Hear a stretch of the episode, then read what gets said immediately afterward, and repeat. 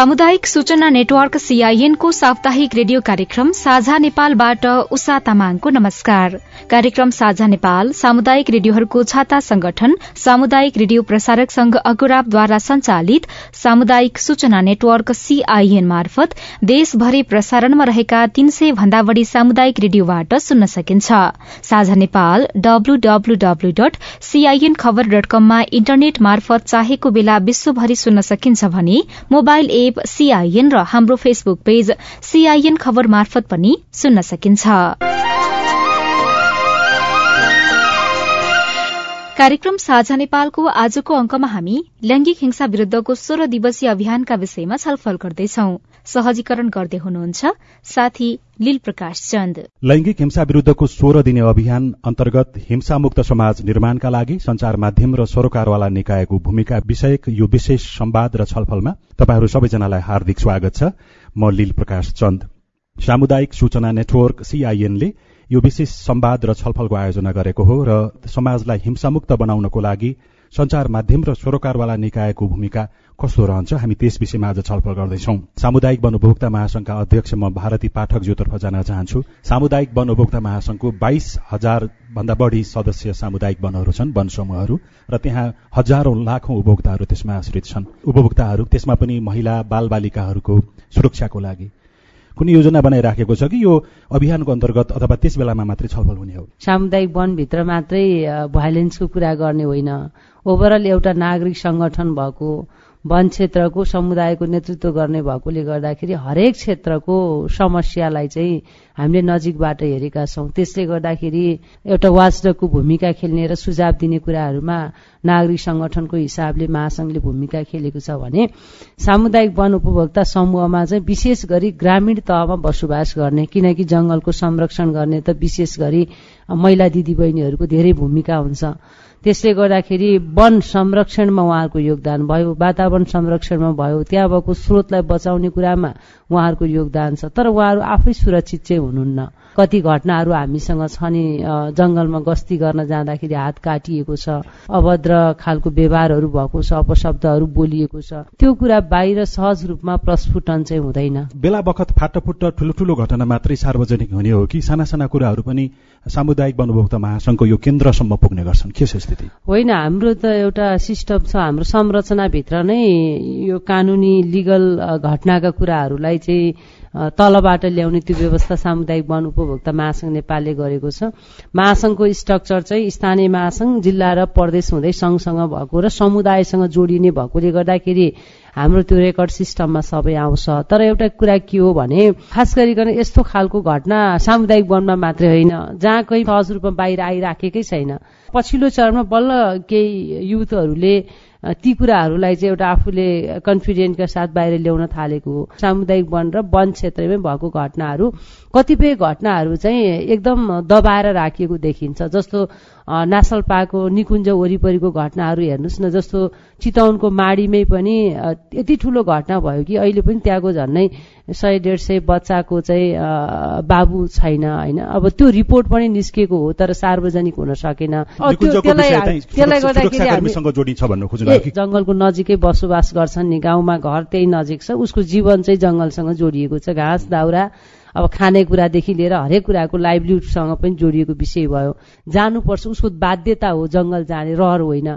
जाँदाखेरि चाहिँ अब सहज रूपमा हाम्रो नीति कानून यस्तो खालको छ कि त्यो जंगलमा मान्छे प्रवेश गर्न नपाउने निकुञ्जभित्रको आफ्नो नियम छ। हिजो पञ्चायत कालको निकुञ्ज एन दुई हजार उन्तिसलाई टेकेर सरकार अगाडि बढिराखेको छ। त्यसले गर्दाखेरि घटनाहरू विभिन्न प्रकृतिका घटना छन् एउटा मात्रै होइन। सयभन्दा बढी व्यक्तिहरूको निकुञ्ज क्षेत्रको संरक्षित क्षेत्रको यो कुरा बताउनु भयो नि।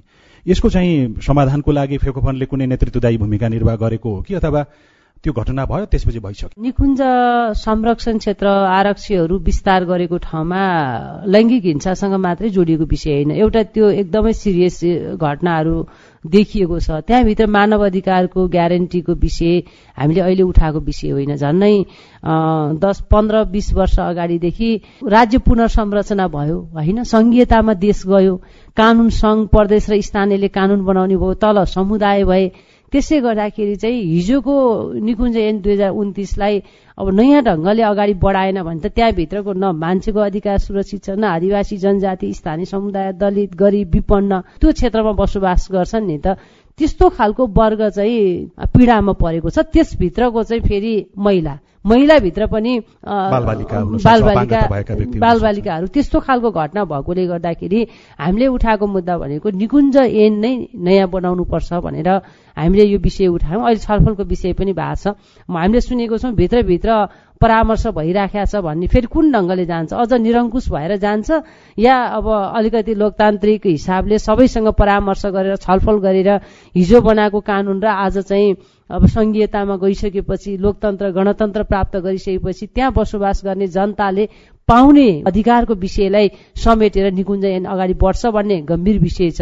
प्रक्रियामा छलफल भइरहेको छ भने चाहिँ आधिकारिक हामीसँग त्यो कुरा आएको छैन। हुन त यहाँले अघि भन्नुभयो हामी वर्षैभरि त्यो कार्यक्रम गर्छौँ भनेर।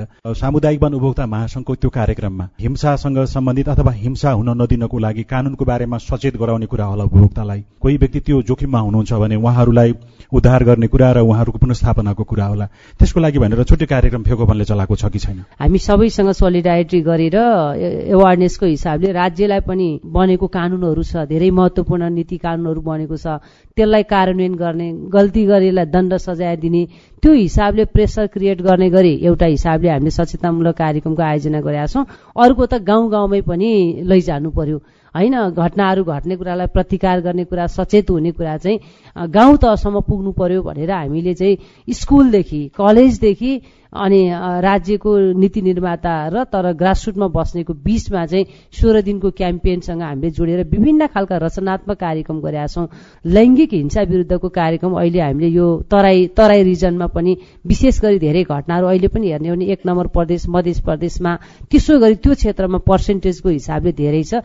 त्यसलाई फोकस गरेर हामीले केही कार्यक्रमहरू हाम्रो रणनीतिक योजना बनाएर सामुदायिक बनौता महासङ्घ नेपालको चाहिँ चार वर्षको रणनीतिक योजनाभित्र फेरि लैङ्गिक हिंसा विरुद्धको अभियानलाई हामीले जोडेका छौँ। यो सोह्र दिनमा मात्रै होइन तिन सय पैँसठी दिन जबसम्म हिंसा अन्त्य हुँदैन त्यति बेलासम्म कुनै न कुनै रूपबाट हाम्रो अभियान चाहिँ गाउँ तहसम्म पुग्छ।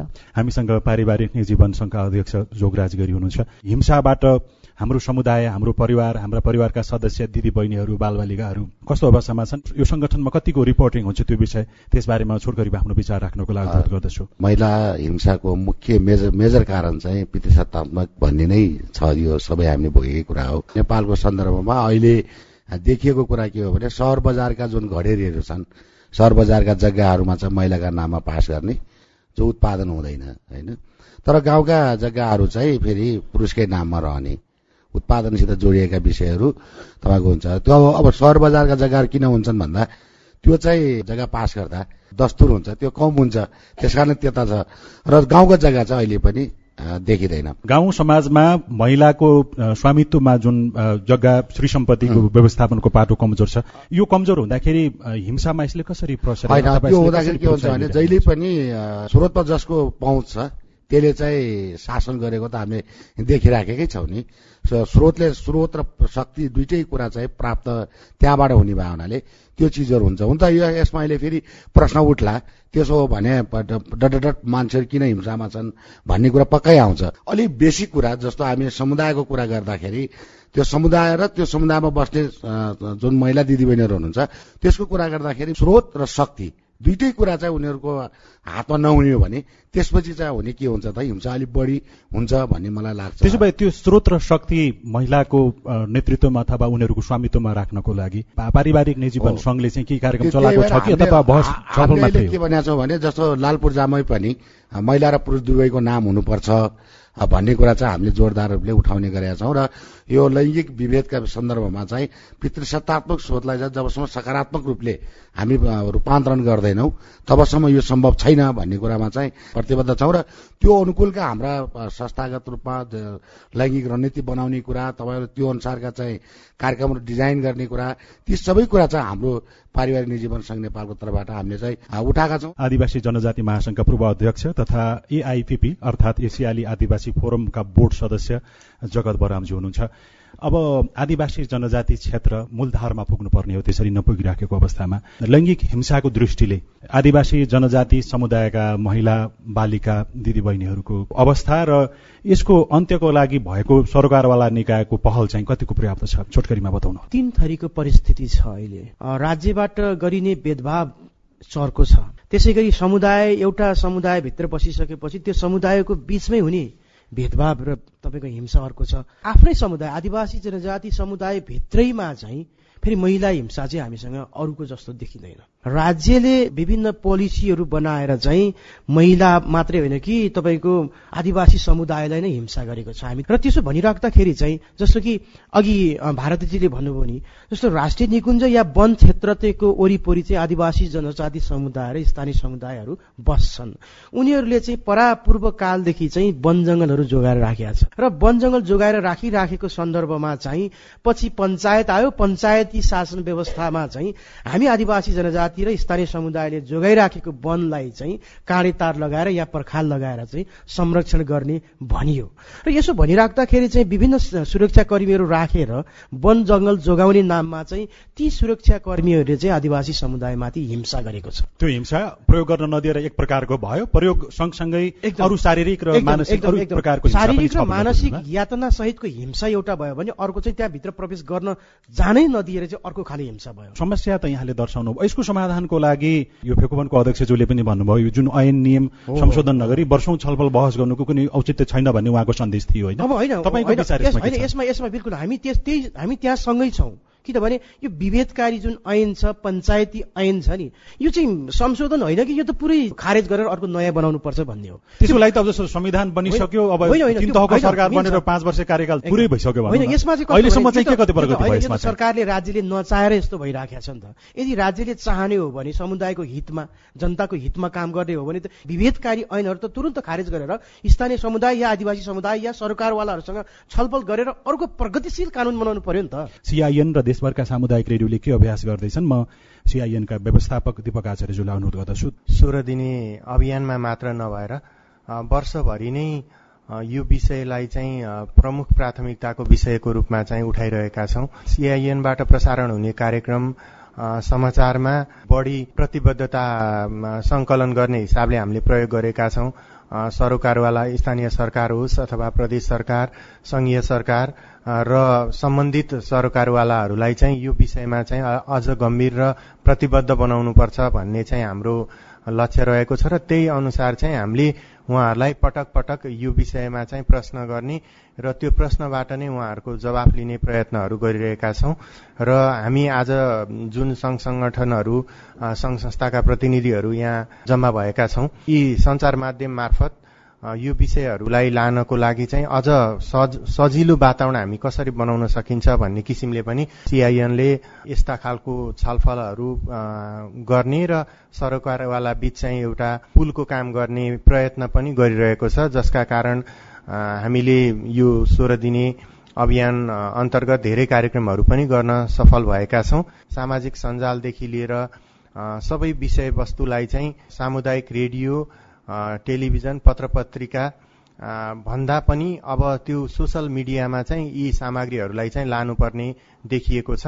त्यो पनि प्रयत्न गरेका छौँ। अब हामी रेडियो र अहिले आइरहेको न्यू मिडियाहरूमा पनि त्यो विषयवस्तुलाई लाने र हात हातमा भएको मोबाइलमा चाहिँ त्यो सन्देशहरू कसरी पुग्छ भन्ने किसिमको प्रयत्न पनि हामीले गरिरहेका छौँ र पछिल्लो समय हामी त्यही अनुसारको विषयवस्तुहरू दिने र छोटा छोटा सामग्रीहरू दिने। मान्छेले लामो पहिलाको जस्तो लामो कुराहरू सुनेर बस्दैनन्। त्यसले गर्दाखेरि सिआइएनले चाहिँ अब छोटो छोटो क्याप्सुलको रूपमा चाहिँ ती विषयवस्तु दिने र सबैको पहुँचमा पुग्ने प्रयत्न चाहिँ हामीले गरिरहेका छौँ। पहिला पहिला बोल्नै नसक्ने त्यो कुराहरू बाहिर ल्याउनै नसक्ने मानिसहरूले मजासँग ल्याउनु भएको छ होइन? त्यो किसिमको प्रयत्न चाहिँ सिआइएन र सामुदायिक रेडियोहरू मार्फत भइरहेको छ र हामी सरकारसँग सबै सरकारवालासँग चाहिँ अझ सहकार्य गरेर यसलाई अझ हामीसँग भएको प्राविधिक क्षमता छ रेडियोहरूमा प्राविधिक रूपमा सबै कुराहरू छन् तर पनि विषयवस्तु र यसको गहिराईमा जानको लागि चाहिँ हामी जस्तो सरकारवाला सङ्घ संस्थाहरूको त्यहाँ आबद्धता संलग्नता नेतृत्व त्यो सबैको आवश्यकता छ त्यसतर्फ पनि सुरु गरेका छौँ। युएनले गरेको एउटा अध्ययन अनुसार करिब अठहत्तर प्रतिशत बालिकाले गाउँमा कतै पनि सुरक्षित ठाउँ छैन भनेर चाहिँ प्रतिक्रिया दिएको पछिल्लो एउटा तथ्याङ्क मैले फेला पारेको थिएँ। त्यो सँगसँगै राष्ट्रिय महिला आयोगले गरेको अध्ययनले पनि हिंसाका घटनाहरू बढ्दै गएको देखाउँछ र बालबालिकाहरूले घर बाहिर निस्कदा सधैँ असुरक्षित महसुस गर्ने बताएको भनेर त्यो प्रतिवेदनमा उल्लेख छ। भने नेपाल प्रहरीको बाइस वर्षको तथ्याङ्कले बलात्कार लगायतका महिला हिंसाका घटनाहरू वर्षेनी बढिरहेको देखाउँछ। यस्तो स्थितिमा सरकारका निकायहरू विभिन्न मन्त्रालयहरूले पनि आफ्नो ढङ्गबाट काम गरिराखेका छन्। हामीसँग वन तथा वातावरण मन्त्रालयका सहसचिव डाक्टर राधा वाग्ले हुनुहुन्छ। विशेष गरी मन्त्रालयले छलफल गर्दै जाँदाखेरि यो वन मन्त्रालयले माथतका निकायमा गरेको निर्देशन त्यसअनुसारको कार्यक्रम गर्छ होला। यहाँले हेरिराखेको देखिराखेको बाहिरको पाटो र मन्त्रालयले गरिराखेको काम के छ त हिंसा अन्त्य होस् र नेतृत्वमा महिलाहरूको पहुँच होस् भन्नको लागि त्यो भइराखेको काम कारवाहीको बारेमा संक्षिप्तमा आफ्नो विचार राख्नको लागि म अनुरोध गर्दछु यहाँलाई। अब सर्वप्रथम यो हिंसाको कुरा गर्दा अथवा यसको जरो कहाँ छ भन्ने कुरा आउँदो रहेछ। यो चाहिँ इनइक्वालिटी यो असमानताको कारणले गर्दा नै सृजना भएको हो र एउटा एउटा वर्ग अथवा एउटा ग्रुप अथवा एउटा लिङ्ग कुनै प्रति चाहिँ अर्को हाबी हुनुलाई हुनुको कारणले गर्दाखेरि हिंसाको सृजना हुने रहेछ। अब त्यो हिसाबले वन क्षेत्रलाई विचार गरेर हेर्नु पर्दाखेरि वन क्षेत्रमा महिलाहरूको स्टेक धेरै भएको तथापि यी सामाजिक विभिन्न कल्चर र सांस्कृतिक कारणले गर्दाखेरि चाहिँ महिलाहरूको सहभागिता कमी भएको त्यसलाई चाहिँ बराबरीमा लिएर आउनुपर्छ है भनेर सरकारले केही नीतिहरू। नाइन्टिजको दशकदेखि नै जब सामुदायिक वनको कन्सेप्टको सुरुवात भयो त्योदेखि नै सुरु गरे हो। र वन मन्त्रालयले हेर्नु पर्दाखेरि चाहिँ एउटा यो लैङ्गिक तथा सामाजिक समावेशीकरणको लागि रणनीति भनेर दुई हजार पैँसठीमै तयार गरेर त्यसलाई इम्प्लिमेन्टेसनमा ल्याएको छ। तर कुरा के भयो म आउँदैछु कार्यान्वयनतर्फ।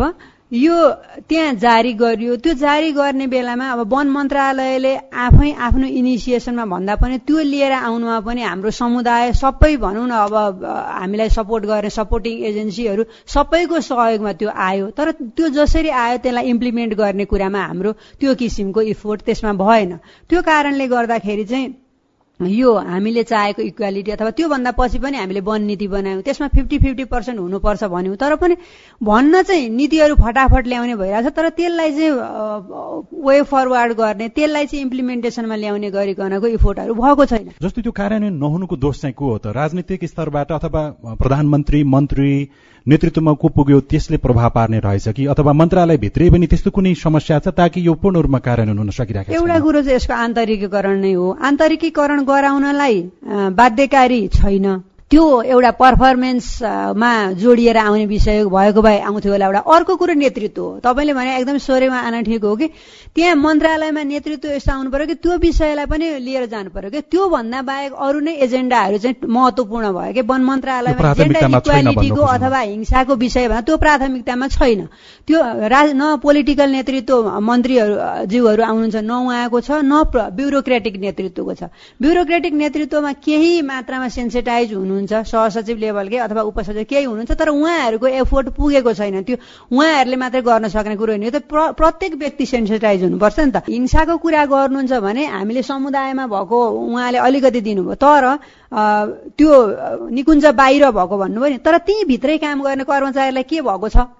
त्यहाँ उनीहरूलाई भएका हिंसाका कुराहरू सम्बोधन भएका छन् कि छैनन्? उनीहरूले त्यो कुराहरू आफूलाई परेको हिंसा बाहिर ल्याउन सकेका छन् कि छैनन्? त्यसलाई निरूपणको लागि के भएको छ भन्ने कुरा हेर्ने हो भने झनै एकदमै कहाली लाग्दो नै छ। भनेको सरकार मार्फतका कर्मचारीमा पनि हिंसा एकदमै छ। ह्यारेसमेन्टका घटनाहरू पहिला पहिला हिंसाका घटनाहरू बाहिर आउँदैन थियो। हाम्रो इफोर्टले अलिकता हामीले के गरेका छौँ भन्दा एउटा फिमेल फरेस्टर्सहरूको एउटा नेटवर्क पनि छ। यो एकदम हिंसा ज्यादै भयो। हिंसाले नै हाम्रो पर्फर्मेन्सलाई चाहिँ बाधा गरिरहेछ। मेरो स्टडीले पनि के देखाएको छ भन्दाखेरि एउटा मेन चाहिँ यो ह्यारेसमेन्टको कारणले गर्दाखेरि चाहिँ उनीहरूले समुदायमा गएर उनीहरूले चाहिँ आफ्नो सेवाग्राहीलाई भने जसरी सेवा दिनको लागि अब ठाउँ ठाउँमा जानुपर्छ नि त। वनको त अफिसहरू विभिन्न अप्ठ्यारो ठाउँमा छ। निकुञ्जको भन्नुहुन्छ भने झन् त्यस्तो अप्ठ्यारो ठाउँमा छ होइन? त्यो कारणले गर्दाखेरि उनीहरूको पर्फर्मेन्स चाहिँ देखाउन हामीलाई बाधा पर्यो भन्ने चाहिँ देखियो। जुन सरकारी संस्था मार्फत त्यही भित्रका कर्मचारीबाट अथवा बाहिरबाट अनि अर्को हिंसाको स्वरूपहरू चाहिँ के के छ त्यो पनि तपाईँले बताउनु पर्यो। कतिको कुन हदको भन्ने चाहिँ भिक्टिमले भन्छ क्या? मलाई अलिकति केही कुरा भन्यो भने पनि मलाई त्यसको असर धेरै पर्न सक्छ। अब कसैलाई अलिक जे अलिक त्योभन्दा ठुलै भन्दाखेरि पनि नपर्न सक्छ। त्यो चाहिँ भिक्टिमको पर्सपेक्टिभ हो। यावत किसिमका घटनाहरू छन्। एउटा हेरेसमेन्टको घटना नै म तपाईँलाई भन्छु। दुईटा मैले भन्छु। एउटा घटना कार्यालयमा उसको इमिडिएट सुपरभाइजरले एउटा सहायक कर्मचारीलाई गरेको त्यो कल मार्फत गरेको उसले होइन फोन कल मार्फत गरेको कुराकानी मार्फत भिडियो कल मार्फत भनौँ होइन। त्यसलाई चाहिँ कारवाही भयो होइन। त्यो कारवाही गराउनलाई पनि यति धेरै पहिला पहिला हिंसाको घटना आउँदैन थियो। उहाँले घटना निकाल्नुभयो घटना निकालेपछि पनि त्यसलाई कारवाही गर्नमा एकदमै आनाकानी भयो। त्यस पछाडि त्यो कारवाही गराउनलाई पनि ठुलो एफोर्ट लाउनु पर्यो ग्रुप लाग्नु पर्यो भनेको पावर अलिक क्रिएट गर्नु पर्यो क्या। भएको कानुनलाई इम्प्लिमेन्ट गर्नलाई पनि समूह निक्लिनु पर्ने दबाब दिनुपर्ने भयो। त्यो कारणले गर्दाखेरि उहाँ दण्डित हुनुभयो। तर अर्को के छ भन्दाखेरि जहाँ चाहिँ सुपरभाइजर फिमेल हुनुहुन्थ्यो। उहाँको मुनि चाहिँ भएको कर्मचारीले उहाँलाई हेरास गर्यो। उहाँ त्यो त्यो अहिलेसम्म भएको छैन। त्यो कारवाही भएन र उहाँ यति धेरै अहिले उहाँलाई त्यो कुराले गर्दा मलाई धेरै पीडा हुन्छ भन्नुभयो। उहाँले निवेदन दिनुभयो त्यसमा समिति बन्यो समितिले प्रतिवेदन दियो कारवाही गर्नुपर्छ भन्यो तर पनि भएको छैन। भनेको त्यहाँ राजनैतिक रूपमा संरक्षित हुन सक्छ के लाग्छ? अब यो राजनैतिक त मलाई जस्तो लाग्दैन। अब त्यही भित्रै पनि अब यो राजनैतिक हो कि के हो थाहा छैन। कुन खालको एफिलिएसन हो? वाट एभर है। नेतृत्वले चाहिँ त्यसलाई उहाँलाई कारवाही गर्नको लागि इच्छा देखाएन। हिंसा महिला त्यहाँ हिंसामा परेको हो भन्ने कुरो स्वीकार गरेन भन्ने कुरो बुझ्नु पर्यो नि त हामीलाई त जसले कारवाही गर्ने हो त्यो होइन उहाँका लागि हिंसा नै त्यो त्यो कुरा नै गौड भयो भन्ने कुरो बुझ्नु पर्यो कि यसको अन्त्य भरेको भोलि नहुन सक्छ तर यसलाई अन्त्य गर्दै जानको लागि यहाँको सुझाव सुटकरीमा के भयो भने चाहिँ मेरो सुझाव यस्ता कार्यक्रमहरू हुनु पर्यो। पीडितलाई विश्वास गर्नु पर्यो। पीडितले म पीडित भएँ भनेर आइसकेपछि एक अर्थ केही पनि भन्ने होइन ऊ पीडित भएको हिसाबले त्यसलाई इन्भेस्टिगेसन सुरु गर्नु पर्यो न कि उसको क्यारेक्टर ऊ कस्तो मान्छे थियो। ती अफिसियल कुरामा हेर्ने हो भने त्यो कस्तो खालको कर्मचारी हिंसा गर्न कसैलाई पनि राइट छैन। कर्मचारीले गल्ती गरे भने कानुन अनुसारको कारवाही गर्नुपर्छ अर्को दोस्रो व्यक्तिले हिंसा गर्न पाइँदैन। त्यो एक नम्बर भनेको त्यो हो हिंसा पीडितलाई विश्वास गर्ने हिंसा पीडितलाई सहयोग गर्ने अर्को कुरो त हिंसा नै नहुने वातावरण हुन नदिनलाई यी कुराहरू हिंसा हुन्। तपाईँहरूले बोलेको तपाईँहरूले व्यवहार गरेको इक्वालिटी इक्वाल बिहेभ हुनु पर्यो। महिला पुरुष अरू इन्टरसेक्सनालिटीका कुराहरू छन्। दलित अपाङ्गता भएका व्यक्तिहरू भनौँ न एलजिबिटी क्यू छन् होइन? त्यो सबै किसिमको उहाँहरू एज अ ह्युमन सबैलाई इक्वल ट्रिटमेन्ट हुनु पर्यो भन्ने कुरो चाहिँ संस्थाहरूले चाहिँ त्यो सिकाउनु पर्यो कि सरकारी संस्थाहरूले सिकाउनु पर्ने हो खासमा त्यो चाहिँ होइन? अब समावेशीकरण त बढ्या छ। लोकसेवाको माध्यमबाट पनि समावेश त्यो समावेशीकरणमा आउने साथीहरू लाई चाहिँ अलिकति हामीले सेन्सिटाइज गर्नुपर्छ होला जस्तो लाग्छ क्या। किन भन्दाखेरि आफ्ना कुरा पहिला उनीहरूले आफ्नो कुरो बुझेपछि बल्ल अर्कोले कुरा बुझिदिन्छ अर्कालाई बुझाउन सजिलो हुन्छ र सहकार्य जरुरी छ। भएका कानुनलाई कार्यान्वयन गराउनको लागि हाम्रो दबाव निरन्तर दबाव पनि आवश्यक धेरै धन्यवाद छ सहसचिव राधा वाग्लेज्यू। धेरै समय त हामीसँग छलफलको लागि छैन। म अब लाग्दैछु ग्रिन फाउन्डेसन नेपालका अध्यक्ष घनश्याम पाण्डेज्यूतर्फ। संगठन संघ संस्थाकोमा पनि संलग्न। एउटा प्रसारकको रूपमा रेडियोको क्षेत्रमा पनि यहाँले लामो समयदेखि काम गरिराख्नु भएको। त्योभन्दा अझ बढी यहाँको राजनीतिमा छ। त्यो पहुँचदेखि नेतृत्वसम्मको कुरा। यहाँले पाँच वर्ष अघिल्लो जुन जनप्रतिनिधित्व कार्यकालमा मेयरको रूपमा काम गरिसक्नुभयो अब त्योभन्दा माथिल्लो स्तरको राजनीतिक यात्रा यहाँले सुरु गर्दै हुनुहुन्छ। के भयो भने बनेका नीति नियम त्यसलाई कार्यान्वयन गर्न सजिलो हुन्छ। त्यसको लागि नेतृत्व दोषी हो कि अथवा प्रशासनिक क्षेत्र निकाय छ नि त्यसको दोष हो त? तपाईँलाई के लाग्छ? धन्यवाद छ लिल प्रकाशजी तपाईँ र सम्पूर्ण सिआइएन परिवारलाई पनि धन्यवाद व्यक्त गर्न चाहन्छु। नेपालको संविधान नेपालको मूल कानून नेपालको नीतिमा समस्या छैन। लैङ्गिक हिंसा विरुद्धको कुरालाई सुनिश्चितता गर्छ। मूल समस्या कहाँ छ भने प्रक्रियामा समस्या छ। लैङ्गिक हिंसा भइहाल्यो भने उपचार कसरी गर्ने? उपचार पछि त्यसको पुनस्थापना कसरी गर्ने भन्ने कुरामै मूलभूत रूपमा चाहिँ समस्या देखिन्छ। चाहिनु पर्ने कुरा के हो भने एउटा त चाहिँ पारदर्शी संरचना पद्धति प्रक्रिया चाहिँ हामीले बनाउनु पर्यो। त्यो संरचना पारदर्शी नहुँदाखेरि समस्या छ। अघि डाक्टर राधाले भनेको विषय के भने म हिंसामा परे भनेर कसैले उजुरी गर्यो अथवा चाहिँ जानकारी गरायो भने उसको गोपनीयताको कुरा चाहिँ सुनिश्चितता छैन। जुन सोसियल मिडिया न्यू मिडिया अथवा युट्युबरहरू जसलाई हामीले देख्छौँ त्यो नै हामी कहाँ चाहिँ घातक छ। जसले गर्दाखेरि के भने पीडितको संरक्षण गर्ने ठाउँमा पीडितलाई थप पीडित बनाएर अघि बढ्ने कुरा जुन आउँछ त्यो कारणले गर्दाखेरि पनि यो लैङ्गिक हिंसाका घटनाहरू चाहिँ नि बाहिर नआउन सकेको कुरा हो। तीन तहको सरकारमा कुनै महिला बालिका कसैले हिंसा पर्यो भनेर आयो भने त्यसलाई कम्तीमा बढीभन्दा बढी सजाय दिने व्यवस्था गर्नको लागि त जस्तो जनप्रतिनिधिको हुन सक्छ सुरक्षा निकायको हुन्छ उनीहरूले त जोडबल गर्न सक्छन् यदि त्यसमा चाहिँ सचेत छन् यसमा हामीले आफ्नो आर्थिक सामाजिक सांस्कृतिक राजनीतिक र वातावरणीय रूपमा यो चाहिँ जोडिएको विषय छ।